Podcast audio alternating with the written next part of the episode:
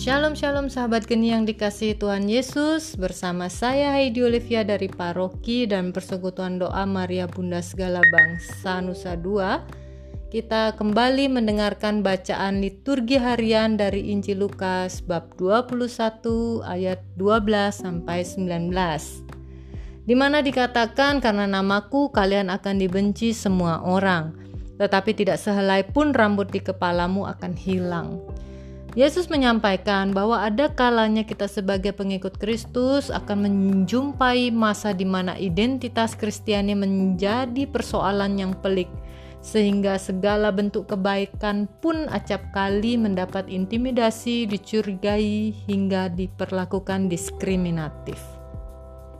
Masa di mana pengakuan akan nama Yesus menjadi konsekuensi yang tidak mudah, bahkan sangat berat jika dibandingkan selama saya hidup sampai saat ini, perbedaan toleransi agama menjadi sangat langka dan berbeda jauh loh di era 70-an saat saya lahir sampai di era 2000-an sekarang ini.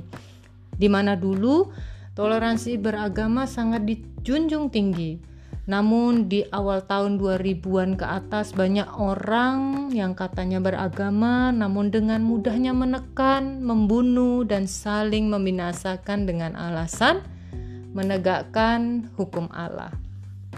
Baru-baru ini saya pernah berdialog dengan salah satu teman saya non-Kristiani.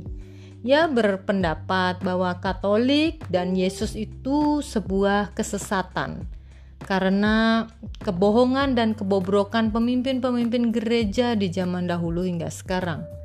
Mendengar hal itu, saya hanya tertawa kecil dan dengan tenang saya membalas singkat bahwa jika memang ternyata Katolik ini adalah sebuah kebohongan dan Yesus adalah sebuah kesesatan, maka saya sebagai orang Katolik dan pengikut Yesus tidak akan pernah menyesal karena menyembah dan mengikut Yesus seumur hidup saya.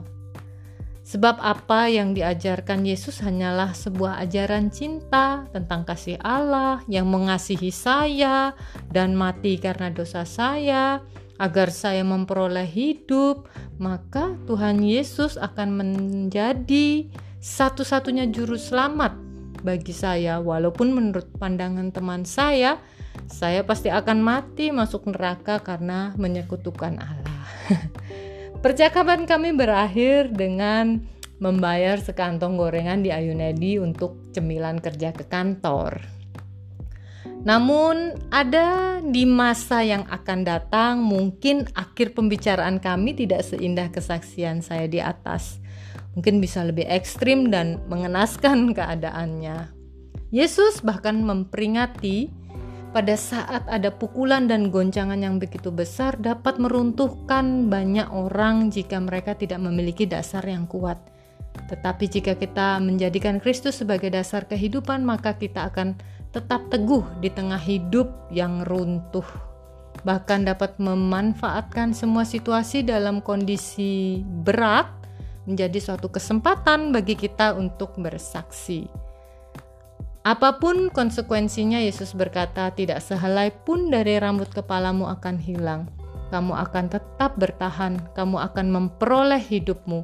Hidup yang bagaimana yang dimaksud Yesus, yaitu hidup yang berkemenangan bersama para kudus dalam kehidupan kekal.